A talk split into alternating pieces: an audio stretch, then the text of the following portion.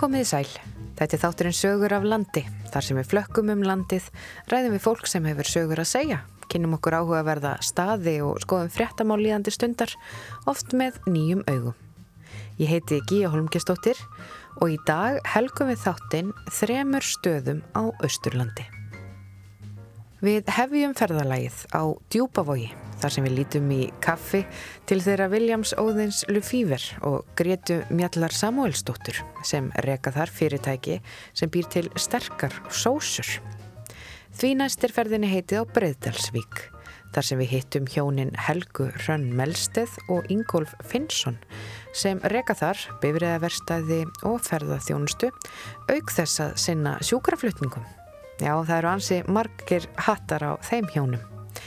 Og að lokum förum við til stöðvafjörðar og fræðumst þar um sköpunamiðstöðina. Listamiðstöð sem byggðist upp í gamla fristihúsinu niðri við höfnina og laðar núna að skapandi fólkur öllum áttum og öllum heimshornum. Við ræðum þar við hana Unu Sigurðardóttur og Lukas Stensel. Og við byrjum ferðalagið á Djúbavogi í heimsókn hjá þeim Óðunni og Gretu.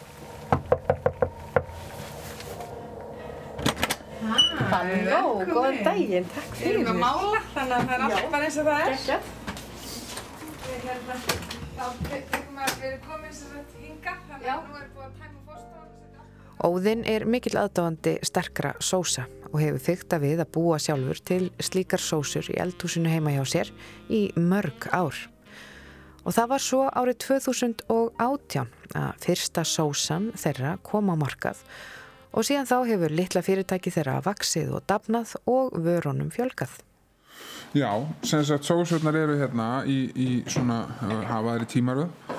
En það er hérna uh, svona svona. Hérna eru þær sko, já. Bera er fyrst um, fyrsta sósan sem, sem að við setjum á markað og er í rauninni bara afurð þess að ég Eh, mér finnst hot sauce náttúrulega rosa gott og, og það var lítið frambóð á þeim tíma uh, af, af sósum bara almennt og náttúrulega ekkert íslensk til. En þetta er bara ég að bauka eitthvað í, eldúsinu og, og prófa mig áfram með mismöndi samsetningar á hráöfnum og ég ákvað einhvern tíma að taka svona hálfgerða vinstri beigju í, í hráöfna hérna, samsetningunni og, og ákvað að setja meira bara af ávöxtum heldur en, heldur en svona græmiti og kryttum sem að maður kannski heldur að eiga að vera. Og og úr kom uh, í rauninni hún sko. Og, og það var svona fyrst skipti sem að ég smakkaði upp úr blandarannum mínum og bara svona, hey, wow, þetta er alveg eitthvað þú veist. Uh, hitt hafi verið bara svona fínt, já já en þetta var svona alveg spes þú veist. Og myndir þá alveg hvað það hefði sett í blandarann?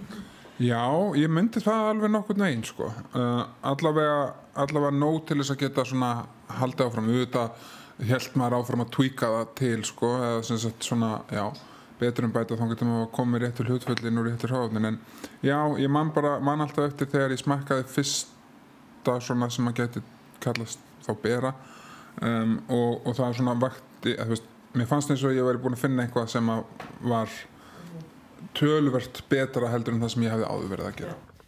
Vörurnar eru núna orðnar sex talsins og fyrirtækið orðið það stöndugt að þau geta haft eitt starfsmann á launum. En ferðalagi frá því að búa til sósu í blandaranum heima hjá sér, þanga til að vara er tilbúin til sölu, hefur verið krafjandi og þau eru búin að reyka sig á marga veggi. Meðfram þessu þetta eignuðist við sko tvö börn, þannig að hérna kom einmitt eitt svona aðeins óvænt í, í lokin svona um nákvæmlega sama tíma og við vorum að, að fæða beru, þá var að fæðast okkur þri, þriða barnið. Þannig að hérna óðinn svona tók svolítið mest, já bara hljópi gegnum skablana, þú veist, þetta eru þetta og, og allir örgulega smáframlegendur geta staðfist þetta og ég hef lært það bara með tengslanetinu sem ég og við höfum skapað okkur að, að þetta eru þetta er rosalegu skóli og, og sem betur fyrir þá auðvitað meðfram þessu búið að stopna allir með samtök smáframlegenda og við höfum kynst og, og blessunlega hérna, eignast bara vini í, í þessum geira sem að uh, hjálpa stað núna Það kostar líka að vera með framleiðslu á landsbyðinni. Flutningskostnaður er til dæmis 30% af vöruverðinu. En stuðningur nær samfélagsins á djúbúvogi hefur líka haft sitt að segja um framgang þessa litla sósufyrirtækis. Mér finnst alveg mikilvægt að það komist til skila að, að veist, það er ekki síst fyrir tilstöðlan sko, samfélagsins hér og, og, svona, já, og, og stuðningin hér sem maður hefur fengið frá fólki sem að skulda maður ekki neitt í lífinu sem að, sem að hefur í rauninni hérna, verið mjög mikilvægur liður í því að þessi framleysla er í gangi um, svona bara stuðningurinn og, og, hérna, og velvildin og bara aðstóðin með beinum og opinum hætti hefur verið ómyndanleg og, og hérna já, ég myndi hrósa djúbúvogi bara og samfélaginu sem að djúbúvogur er uh, í hástert fyrir þetta að því að, að því að það er það krefst, það er ekki sjálfgefið og það krefst ákveðin að vinnu að, að viðhalda uh, svoleiðis menningu á okkurnu stað. Mm. og bestu dæmið um þetta er þetta bara einmitt fyrsta helgin sem við seljum sósunar okkar. Veist, og þetta, við hérna, höfum mörgulega sagt þess að sögu hérna í eru margra en, en þá einmitt eins og við sögum, hérna, höfum sagt varandi viðtökunar við sem ekkert við hverju var að búast. Við fengum bara þær upplýsingar þú ert að fara hérna matamarka hörpu. Þetta er stærsti markaður, matamarkaður hérna í Íslands. Og ekki selja upp, veist, það er ekki cool að selja upp skilur, ekki, e, þú veist, taktu nóg. Og við þetta bara tókum eins mikið okkur óræðum mann myndi nokkuð tíma að selja. 600 flöskur og ég sagði bara, sko, ég er aldrei að fara að selja sko, þriðjunga þessu ruggli og hérna og svo fyrir við fyrsta dag þetta er lögadagsundagur og við erum bara meira og minna að vera búin á lögadi og þá þetta kemur upp á þetta svona gerðsharing af því að fyrst og fremst þetta bara því líka dásendin að fá þessa viðtökur en líka holy moly, mm. við erum að, selja upp hérna, við hefum ekki nóg fyrir morgundaginn. Og þá ymmit taland um samfélagi, þá ymmit bara óðinn hendirinn á sko samferðarsíðuna á djúbúi eða eitthvað bara ekki vill svo til að eitthvað sé á leiðinni söður og til í smá sósu vittlesu og eitthvað. Og á, emitt Róðfylla bílinu mörg hundru kílóum á sósu. Og á sem sagt tveimu klukktími með svo þá verður sem sagt úr því að það er bara hérna, fólk hér uh, sem að sko fyllir bíl, sko, þetta er ekki einu sem bara það. Sko, fyrst þurftu einn að brjóðast inn í húsu okkar til að ná eitthvað lekil til þess að, kom, já, til þess að komast inn í, á lagurinn, til þess að fylla svo bílinn sinn af sósum og leggja svo, og svo, ég held að hérna, það var rétt svo pláss fyrir manneskjur í bílnum. Nei, líka sko, hérna það opnaði á sunnudeginu klukkan 1 nýri í hörpu. Það tekur, ja, klukkan 11 nýri í hörpu. Það tekur 7 klukkutíma að kera á djúbóti Reykjavíkur. Þau voru að fara til Tenerife en ákveða þá bara leggja staklan 5 um morgunin til þess að, þú veist, geta hjálpað og við erum að tala um það, við erum komið klukkan 11 og þetta fólk er ekki svo skilt okkur. Nei. og þetta er það sem við, ég man að við vorum svo gapandi við bara, þú veist, ég á ekki einu svona bróður en ég er ekki viss ef ég ætti hann að ég myndi gera þetta fyrir hann, skilur en þetta er bara fólki á djúbói og þetta fannst mér svona, þarna voru við bara agdofa, þetta segir svolítið til um emmitt að maður leggur í svona æventýri og, og það er engin tenging við þorpið en einhvern veginn erum við bara búin að vera svo heppuna að við eigum bara hellingsfjölskyldi í þarna alveg sama hvort hún blóttengt okkar ekki Já, það er nefnilega svo leiðis að þau Greta og Óðinn áttu engar tengingar við djúpavók áður en að þau ákvaðu að setjast þar að. Við skulum að lokum heyra sögun af því hvernig leiðir þeirra lágu austur. Um, það sem kom til í rauninni hjá okkur var í sjálf og sér ekkert hérna vola stórt. Það var bara Við vorum, við vorum uh, þá, 2015 þá byggum við í Kópavóinum, við erum bæ, bæði fættir uppaldir, semst uppaldir Kópavósbúar og, og hérna vorum, þá var dóttir okkar nýfætt, hún hún reygin var bara, bara kodnabatt, nokkra mannaða gömul. Og, og við vorum bara í góðum fylling sko, bara að leia einhverja næsýbúð í, í Kópavóinum og, og ég var að reyka félagsmeistu þarna í Efribyðum Kópavós í Hörðvaldskóla, félagsmeistu sem heit Kúlan. Regina, nei, Greta mín ekki, hennar var að vinna í Latabæ að gera hérna gott mót þar. Og en um, ég, allir ég hef ekki verið að spá í því þessum tíma svona, þú veist, nú er ég félagsmyndstöða starfsmæður og svona hvað, þú veist, ef, ef ég myndi vilja, veist, þróa feril minn eitthvað áfram, hvert myndi ég fara, þú veist og, og svona, og hversu ráðanlegur er ég? Bara, ég, hérna, að því að það er veist, það er ekkert endilega augljóst að mér fannst það allavega ekki.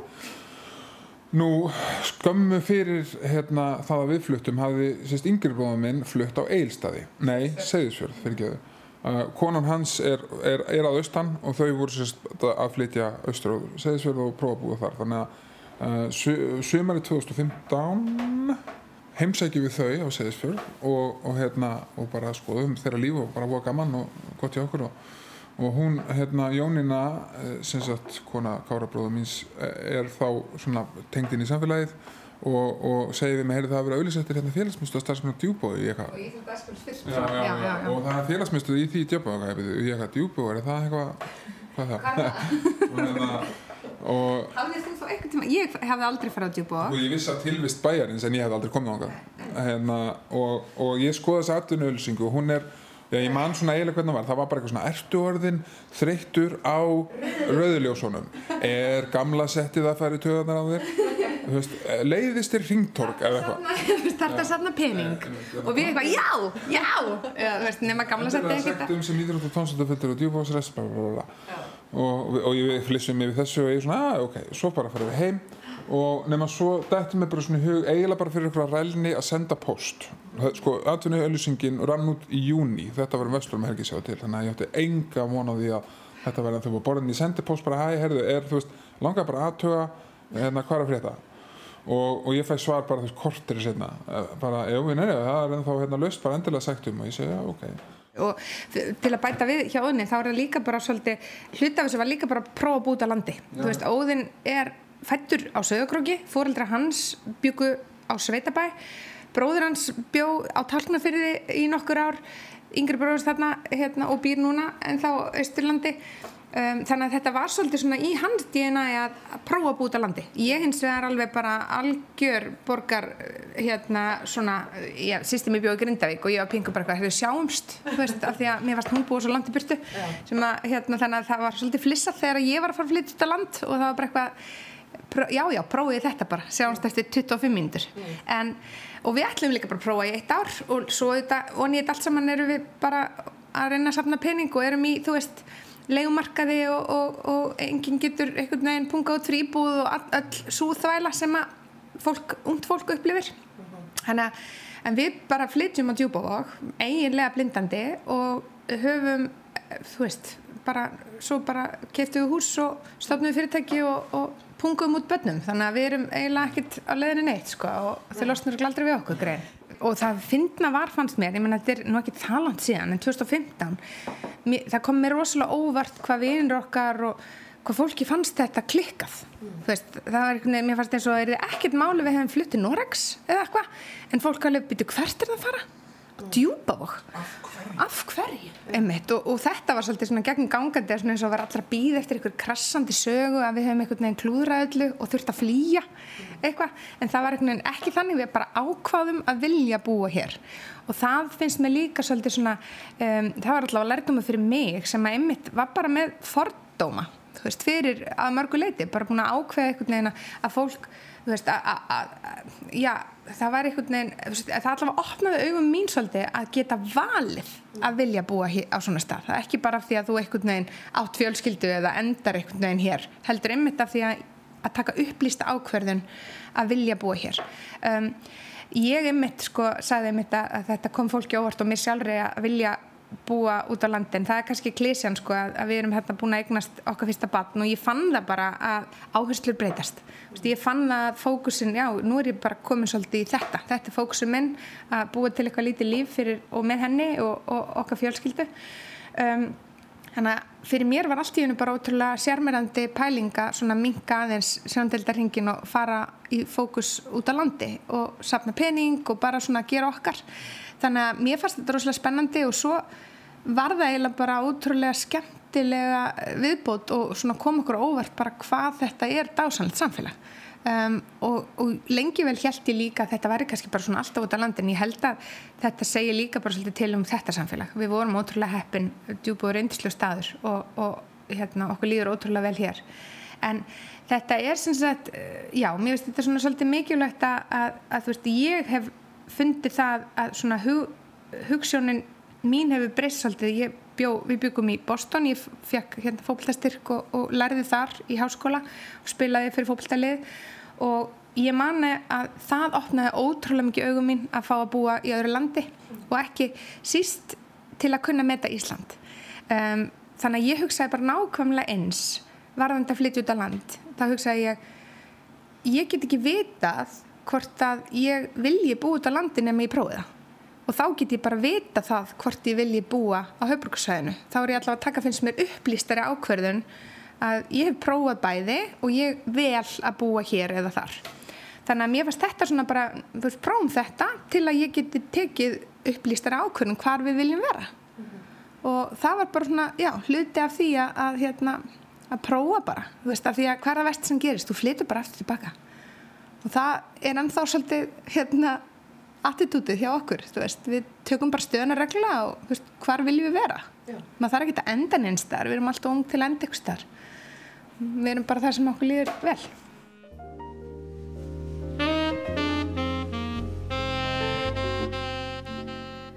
Við erum bara þar sem okkur líður vel, sagði Greta Mjöll Samúlsdóttir, en hún og maðurinn hennar, William Óðin Lefíver, búa á djúpavogi og reyka þar fyrirtækið Lefíver Sauce Company sem framleiðir sterkar sósur og fleira.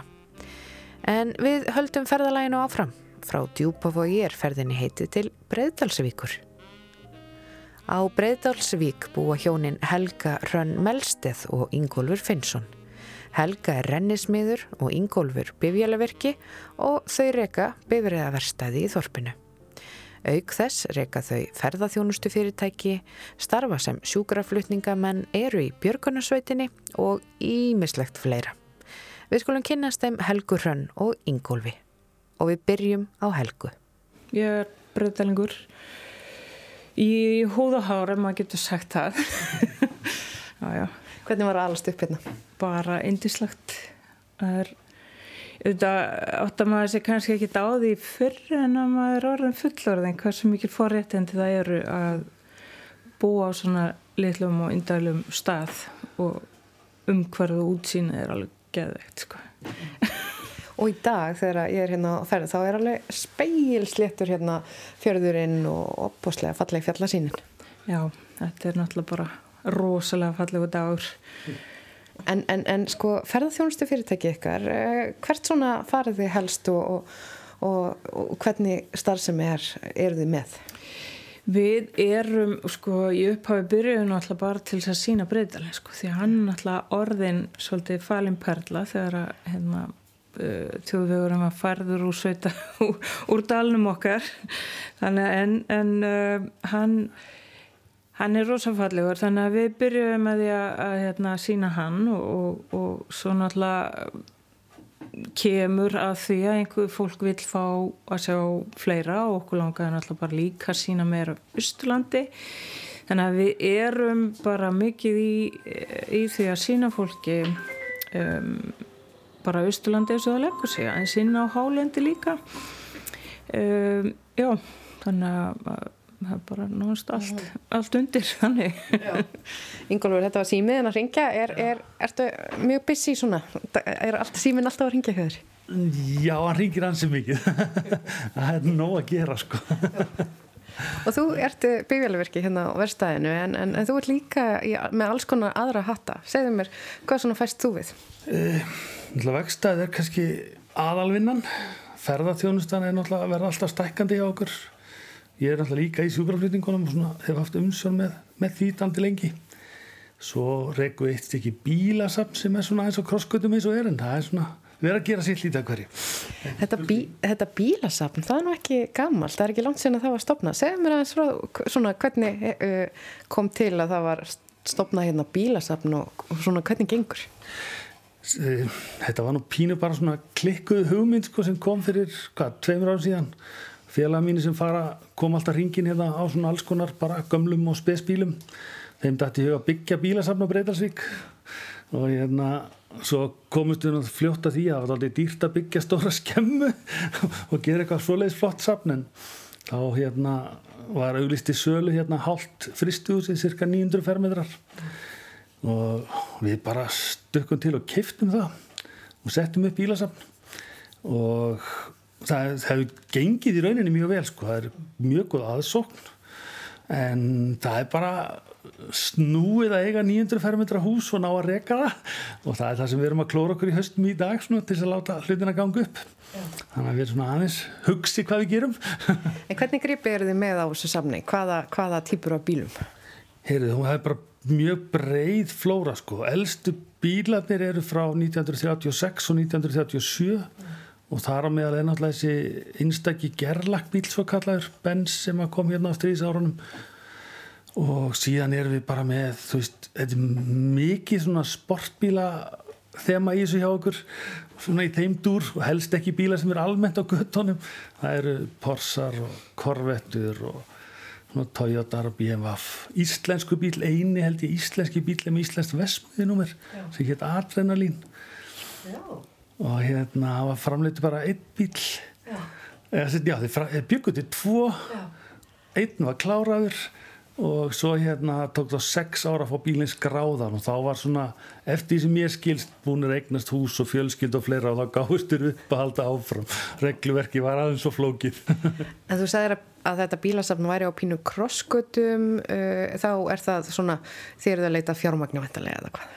Já þetta snýst svolítið um það sko bara hvað maður að segja vextinnir er að tröfla okkur alltaf mikið í dag eins og kannski flest alla.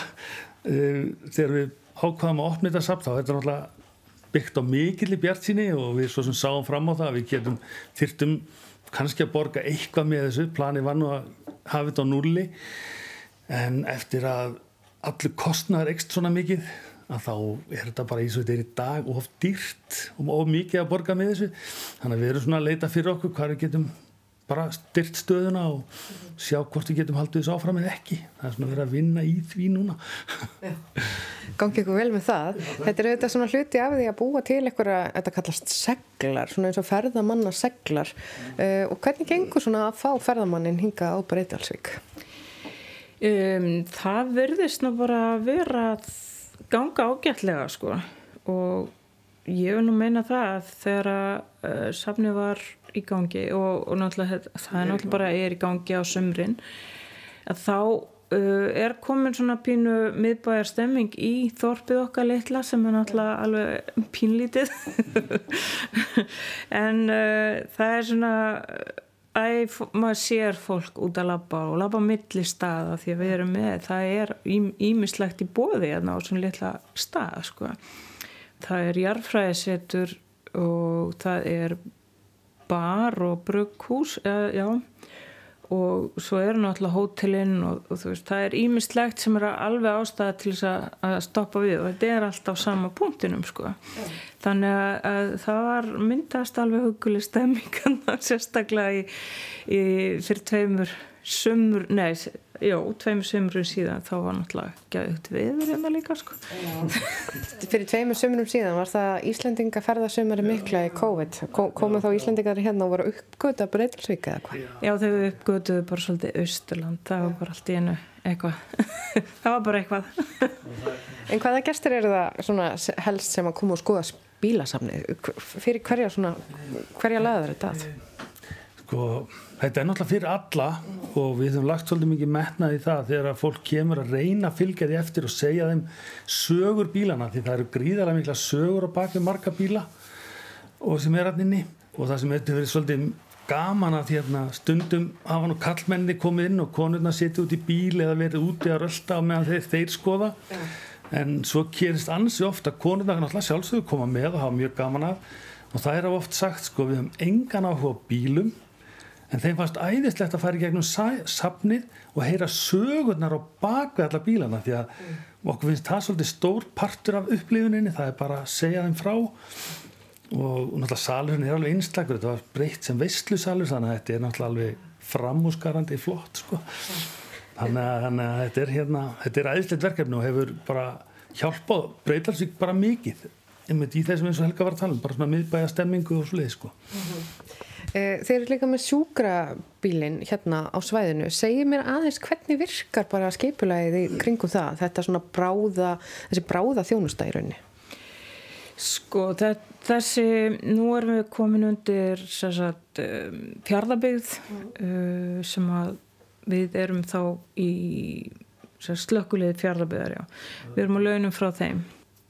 Þetta er, sko, þetta er bakvækta fyrirkomulag og við erum skipt, við erum átta á vöktum hérna á Breitalsvík, átta sérst, aðilar og við, erum, við búum mjög vel. Við, höfum, við erum öll mentuð í dag, stjúkrafendingamenn tveir með tvö, tvær öllöldur með sko neðaflutningamannin í myndun og við tökum viku í skiptum þessu bara í vikur í einu.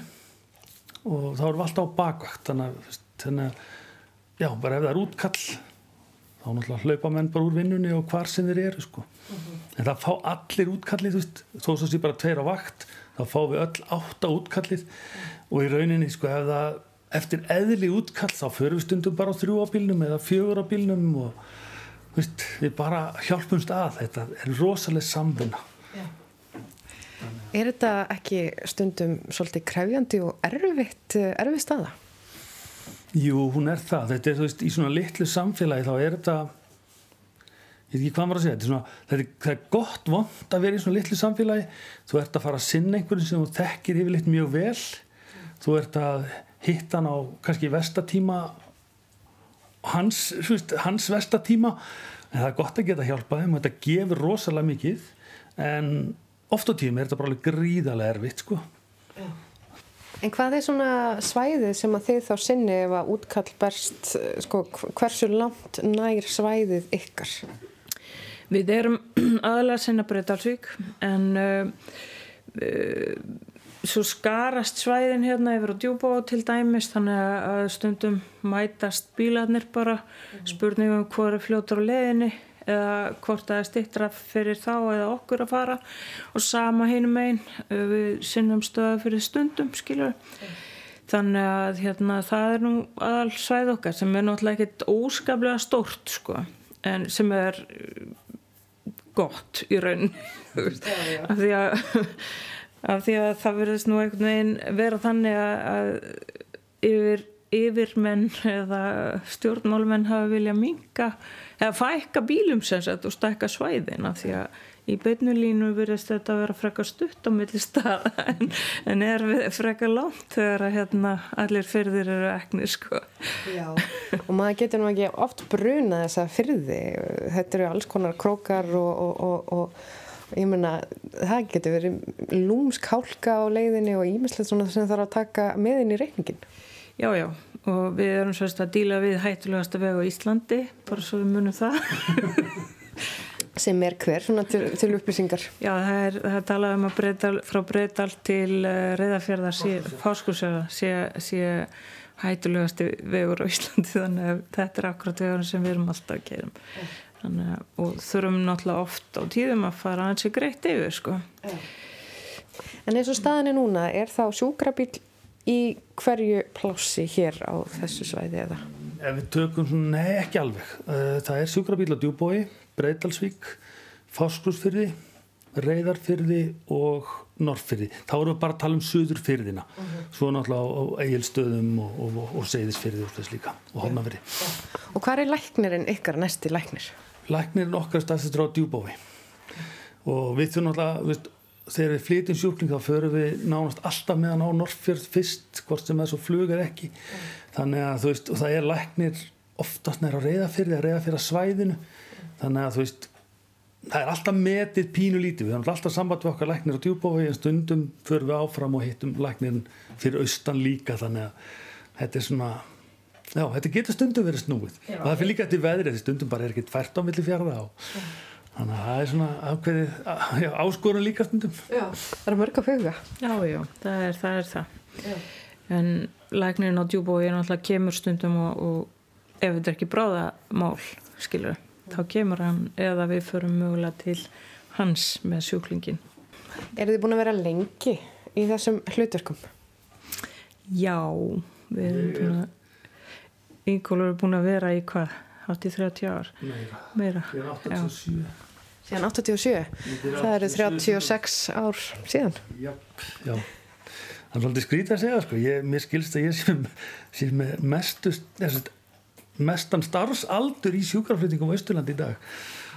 Það hætti einn á eilstöðum fyrir held ég tveimur árum. Hann heiti Stefan og hann var búin að vera svo lengja þegar ég vorum að ræða þetta. Það myndi ekki hvernig hann byrjaði.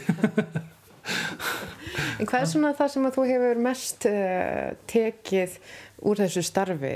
Svona, hvað hefur eh, lært af því eða hvað hefur það gefið þér? Þetta svona, svolítið sérstakar starf.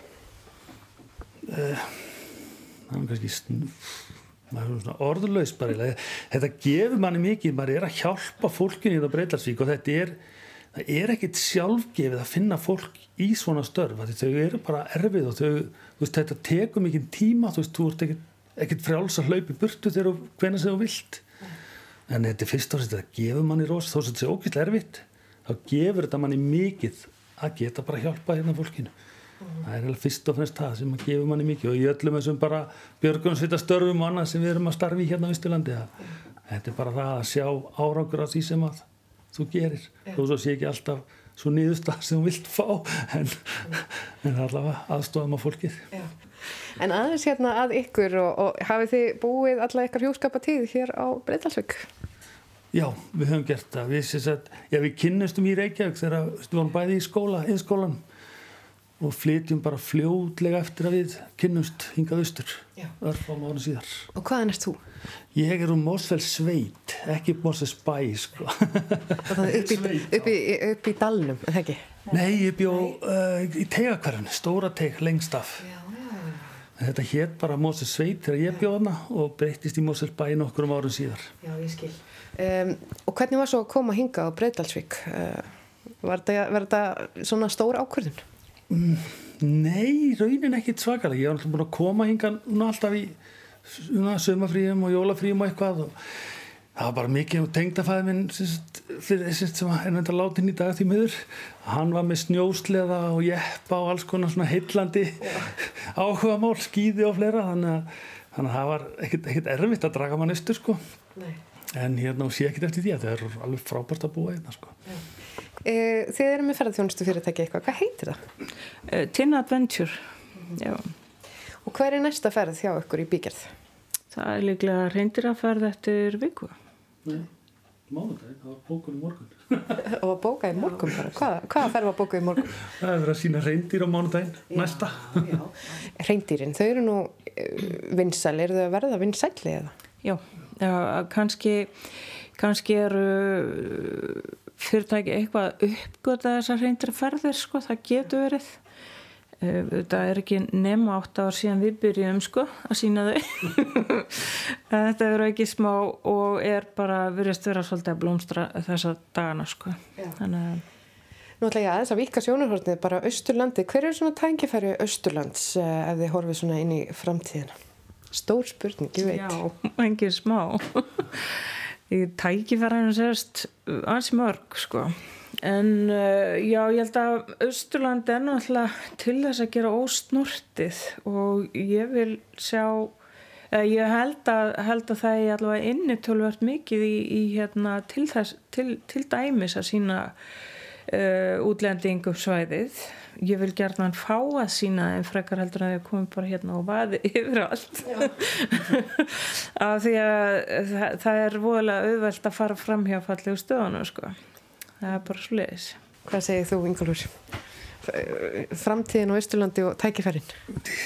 Tækifærin er alltaf endalist það er svo, sem, það er svo merkilegt bara á, í, í fjardabygð hérna sem við búum nú í að hvað er ekki 25-30% landsframleyslin er bara í þessum 5.000 manna samfélagi. Mm.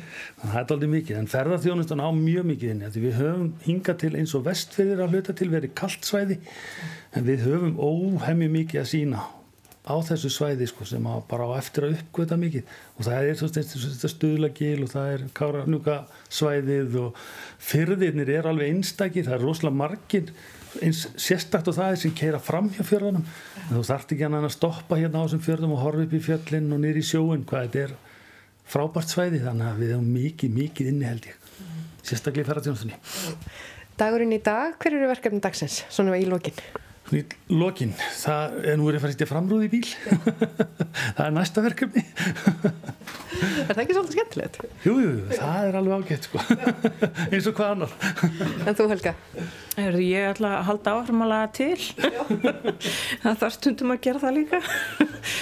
Ný, nýta döða tíma í soliðis en já, það er verið að taka aðeins aðeins hérna skurk Takk kærlega fyrir að bjóða mér hinga á verkstæð og að þennan vinnustad og takk fyrir spjallið Helga og Ingólfur. Takk sem við leiðis. Takk sem við leiðis. Og gangi ykkur vel í öllum ykkar mikilvægur störfum. Takk fyrir. Já, það er svo sannlega nóg að gera hjá þeim hjónum Helgu og Ingólfi. Og þegar ég var nýbúin að kveðja þau, þá bætti Ingólfur einum starfstilli við í flóruna. Og þú ert í björgunarsveitinni, þú stendur sjúkraflutningavakt, þú ert í slökkuliðin og svo ertu líka eitthvað skonar fulltrúi lögreglunar. Fer ég rétt með alla þessa tilla? Já, sko, ég er héraslörglumæður, þannig ég er ekki mentaður lögreglumæður, en ég starfa stundum með þeim um helgar svona, þegar vantar aukamannskap og svo kemur bara fyrir, það er nú ekki alltaf mikið að lögreglumennum á vakt sko, þannig, og langt, langt í þá að þá er ég kallaði til, til aðstóðar ef áþrá að halda. Þannig að Áttu eitthvað tíman eitthvað svona lausa stund eða frítíma? Þekkir þú það orð, frítími? ef ég fyrir ellendis þá þekk ég það. Já, ef, ég er hérna einhverjum á svæðinu, nei. það er aldrei frí. Það er svona öðruvísi tíma allavega. Frá Breiðdalsvík höldum við til Stöðvæfjörðar. Höldum í heimsók til Unu Sigurðardóttur og dóttur hennar. Halló! Hæ, hæ! Já, indislegt. En Una er einn af þeim sem reka sköpunamiðstöðuna á Stöðvæfjörði. Listamiðstöð sem staðsettir í gamla fristihúsinu. Er þetta spennandi? Já, ég veit það. Spennandi. Þetta er rosalega spennandi. Hvað ertu við hérna? Má ég sjá. Hæ, wow. Ég hef aldrei tekið vitt alveg svona fimm mánu, þetta er mjög skemmtilegt. en nú er ég hérna komin til þín og ykkar uh, svona sem standi nú svolítið að sköpunum miðstöðinni. Segðu mér aðeins svona frá hvernig þetta allt saman byrjaði. Já, þetta byrjaði sérst þannig að fristihús staðarins sem var staðsti vinnustæður bæjarins honum er lokað 2005 og það fór allt á annan endan í bænum eðlilega. Og þetta var rosalegt áfall og sem sagt íbúa, hérna, íbúa fjöldi fakka um helming og, og sen verður svona afleitt svona samfélagsverð þú veist, kaufélagi lokaði, bankin lokaði póstusi lokaði, þú veist, við höfum alveg séð þetta gerast. Og um, það kannski kemur að segja að þetta samfélag hafi verið aldrei náðu sér alveg stryk eftir þetta. En núna erum við í brótættum byggðumverkefni og við sjáum hvað það gerir og sen er þess að þetta búið að vera mjög langur vegur en sköpunarmiðstöðin er sagt, stopnuð kannski í þessum rústum og hún er stopnuð 2011 og í þá eh, fyrir fristúsi staðarins. Og hugmyndin var að sagt, og er að sagt, þetta verkefni eh, snýst um beðaþrón þannig að sagt, við eh, erum að vinna með beðaþrón á stanum á þremu sviðum og við erum að vinna á sviði menningar Við erum að vinna á eh, sviði fræðslu og svo erum við að vinna á sviði atvinnsköpunar eða atvinnþróunar. Þannig að og við teljum að þess að, samfélagi geti þróast þá þurfum þessar þrýr þessar þrýr stóður að vera í lagi. Það þarf, hérna, það er ekki nóg að hafa að vinna, já, og dóttir mín er mjög saman á mér. Hún er örglega einna svona nýjustu eh, stöðfyrðingunum eða hvað? Já, ég held það, ég held það sé yngstu stöðfyrðingunum í. Já. Þannig að þetta byrjar rauninni, hún er formlega stopnud 2011 og þá tekið húsinu og sagt, þau sem stopnuð þetta og sagt, svona voru aðal í upphafi, það voru Rósa Valdingur og Stannik Patak. Ég og maðurinn minn, hann Vinni Vút, við komum hérna 2014, þannig að það er verkefnið þryggjára. Öllum að vera í sex mánuðu stöðafrið og hjálpa til, en síðan um, ekki stæðist þetta bara og við erum sagt, höfum verið að reyka þetta alla gotið síðan Já. og þið eru bara komin með börn og bú hingað og hafi verið uh, þessi sex mánuðir þeir svona aðeins lengtust í annan endan Þetta verða nýja ár núna í hérna april Það er rosalega að segja þetta. Þetta er bara að hissa, nýja ár. Nei, nýja ápina bara, wow Alltaf ég sagði svona nýja ára galt batt fyrir mér. En já, hérna, þetta eru þetta eru nýjár og það hefur nú aldeilis hérna, mikið gerst á þessum nýjárum hérna. en sérst, húsi var í bara svona í þannig ástandi að þetta var þannig 2011 þá var þetta spurning um sko hvort þetta er íva bygginguna eða ekki. Og þetta hefur verið svolítið svona, já, lönganga og ég myndi segja að það hafa verið uh, svona kaplaskil í verkefnu uh, 2019 og þá sérst fengum við uh, kannski svona alvöru fjármál inn í verkefnið. Þá fengum við svona alveg fjárminni í verkefni og þá gætu við skiptum sagt, þak á, á bygginguna. Og þetta er sko einhvern smá smá smíð, þetta er alveg 2800 fermetrar hvað er að gerast þérna? Þú hefur sem alltaf að segja ha? Hún lætur sér málinn varða þessi Já, hmm. Ása Hallfröður Ása Framtíðar fórsetisráður Íslands Já, algjörlega ha? Eins og una myndist á var sköpunamiðstöðin formlega stopnuð 2011. Í dag eru þar nú ímis verkstæði sem henda til listsköpunar og það er líka reikið hágæða upptökustúdjó sem nefnist Stúdjó Síló. Sköpunamiðstöðin laða til sín skapandi fólk allstaðar að úr heiminum og gróskan er svo sannarlega mikil. Og bráðlega verður vonandi hægt að gæða sér á ljúfengum kaffisopa þegar fariður um stöðvafjörð því þangaði fluttu maður sem ætlar að mala kaffi í gamla fristihúsinu. Ég er Lukas, Lukas Stenzel. Og þú ætlar að stopna einna kaffibrenslu. Hvernig, hver er staðan á þessu? Já, það, já, það tekur svolítið tíma. Við erum að byggja vekkir og alls konar svona og reyna mála gólfið og bara, þú veist, bara allt á fullu gangi. Og ég er að brenna sama tíma. Já. Það, já, en það er bara gaman. Ertu búin að búa lengi á stöðaferði? Sko, ég er búin að vera á Íslandi í 22 ár og fyrsta staðan sem ég kom, það var hérna á stöðaferði. Okay. Og svo fór ég út í Reykjavík, uh, var þarna í 18-19 ár og svo kom ég tilbaka hérna með fjölskylduna uh, í núna í júni og já Og draumurinn er að gera kaffibrænslu en verður þetta líka sko, hægt að koma og setja sniður og þetta er nú fallegt svæði, þetta er, þetta er hérna við sköpunum við stöðuna uh, og það er höfnin og auðvitað fjöllin. Verður líka hægt að koma og Já, gæða sér á góðum kaffiból Það verður, allt sko. Það verður kaffihú, kaffihús það verður eldhús og bara alls konar. Kannski bakari, ég veit ekki. Alltaf þú líka bakar með svona marga hattar oh, Nei, ég held ekki en það er fullt af fólki sem vil gera eitthvað sko, svona, nákvæmlega svona sko. það verður eldhúsi hér sem, sem það er fólk í bænum sem eru búið til að skona sultur og, og alls konar svona. Og það vandar svona löglegt eldhús og það verður hér líka. Og já, já.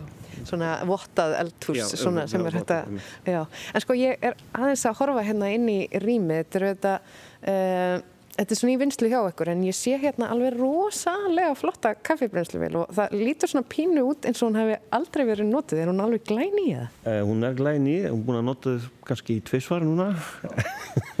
ég feik hana fyrir í síðasta viku og já, ég er mjög spenntur að brenna kaffi í henni.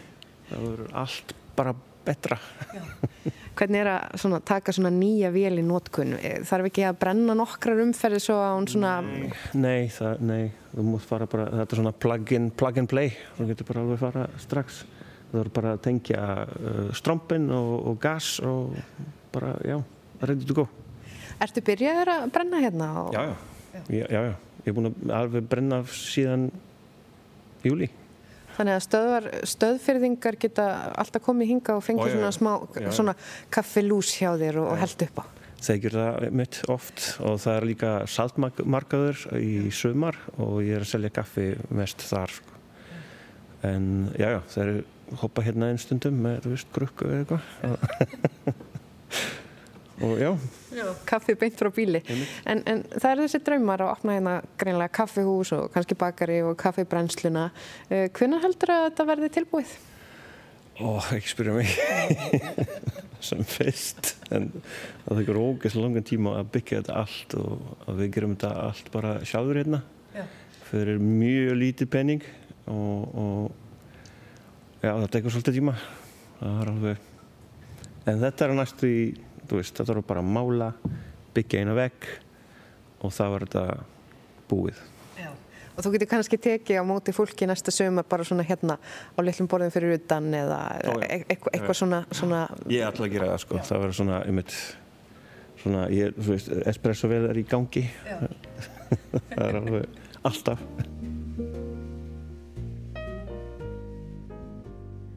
Lukas sagði hér frá plönum um kaffibrænslu sem heitir kaffibrænslan Kaffi Kvörn og kaffihús í sköpunamiðstöðinni. En við skulum bregða okkur aftur stuttlega í heimsók til þeirra maðgana, Unu og Ásu Hallfríðar. Þið eru búin að búa hérna í nýju áru og þú, ég fekk svona smá áfallu við svona að segja þessi tölu.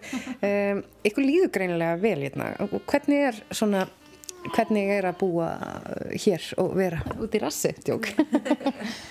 það getur bara verið upp og ofan, sko. Það eru bara kostur og gallar við það eins og allt annað. Uh, okkur finnst, þetta virkar úrslega vel fyrir okkur að ykkur leiti af því að við erum náttúrulega bara svo hugfangin af þessu verkefni og höfum áhuga á því sem við erum að gera og séðan er þetta bara svona eitthvað leiti bara svona lítið krútlegt samfélag svona þægilegt alltaf en auðvitað náttúrulega eru margir uh, ókosti sem fylgja að búa afskjagt veist bara eins og þegar kemur að heilbreyðst þjónustu og eins og öðru. Og maður þarf alltaf að skipulegja matarinköpi sín og allt svo les, skilur, þú hoppar ekkert eitthvað út í búð og köpa rjóma eða eitthvað. En veist, þetta er bara svona Já, það kostur að galla sko. Tilenga sér annan hugsunahátt kannski. Já, þetta er algjörlega, algjörlega annað, annars taktur sko. Þú ert ekkert eitthvað svona skjótast. Mm -hmm. E, Og leikskóla pláss er, er, er auðvelt að fá leikskóla pláss og, og, og svo leiðis Og er Já. grunnskóli hérna? Já, það er grunnskóla og leikskóla þetta sérst í sama byggingunni. Og þau eru ekkert eitthvað brjálaðslega mörg en svona með þryggjára og hérna sonur hans Lukasa sem er með kaffebrænsluna það er líka þryggjára, þeir eru nánast jafnaldra þeir eru svona bestu vinir á leikskólanum og síðan fer þessi kona eitthvað tíman í leikskólan líka. Já og það verður nú stuð, er það ekki? Ása, hvað finnst þér? Já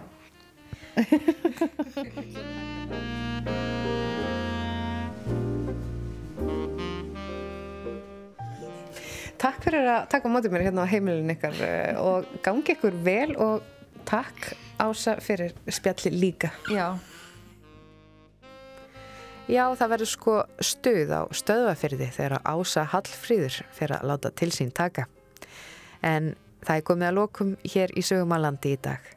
Í þættinum var rætt við þau Viljam Óðinlu Fífur og Gretu Mjöll Samúlsdóttir á Djúbavogi Helgur Hrann Melsteð og Ingól Finnsson á Breiðdalsvík og nú síðast Lukas Stensel, Unu Sigurdóttur og Ásu Hallfríði á Stöðvafyrði. Við minnum á að þennan þátt og eldri sögur að landi má finna í spilara Rúf. Takk fyrir að hlusta og veriði sæl.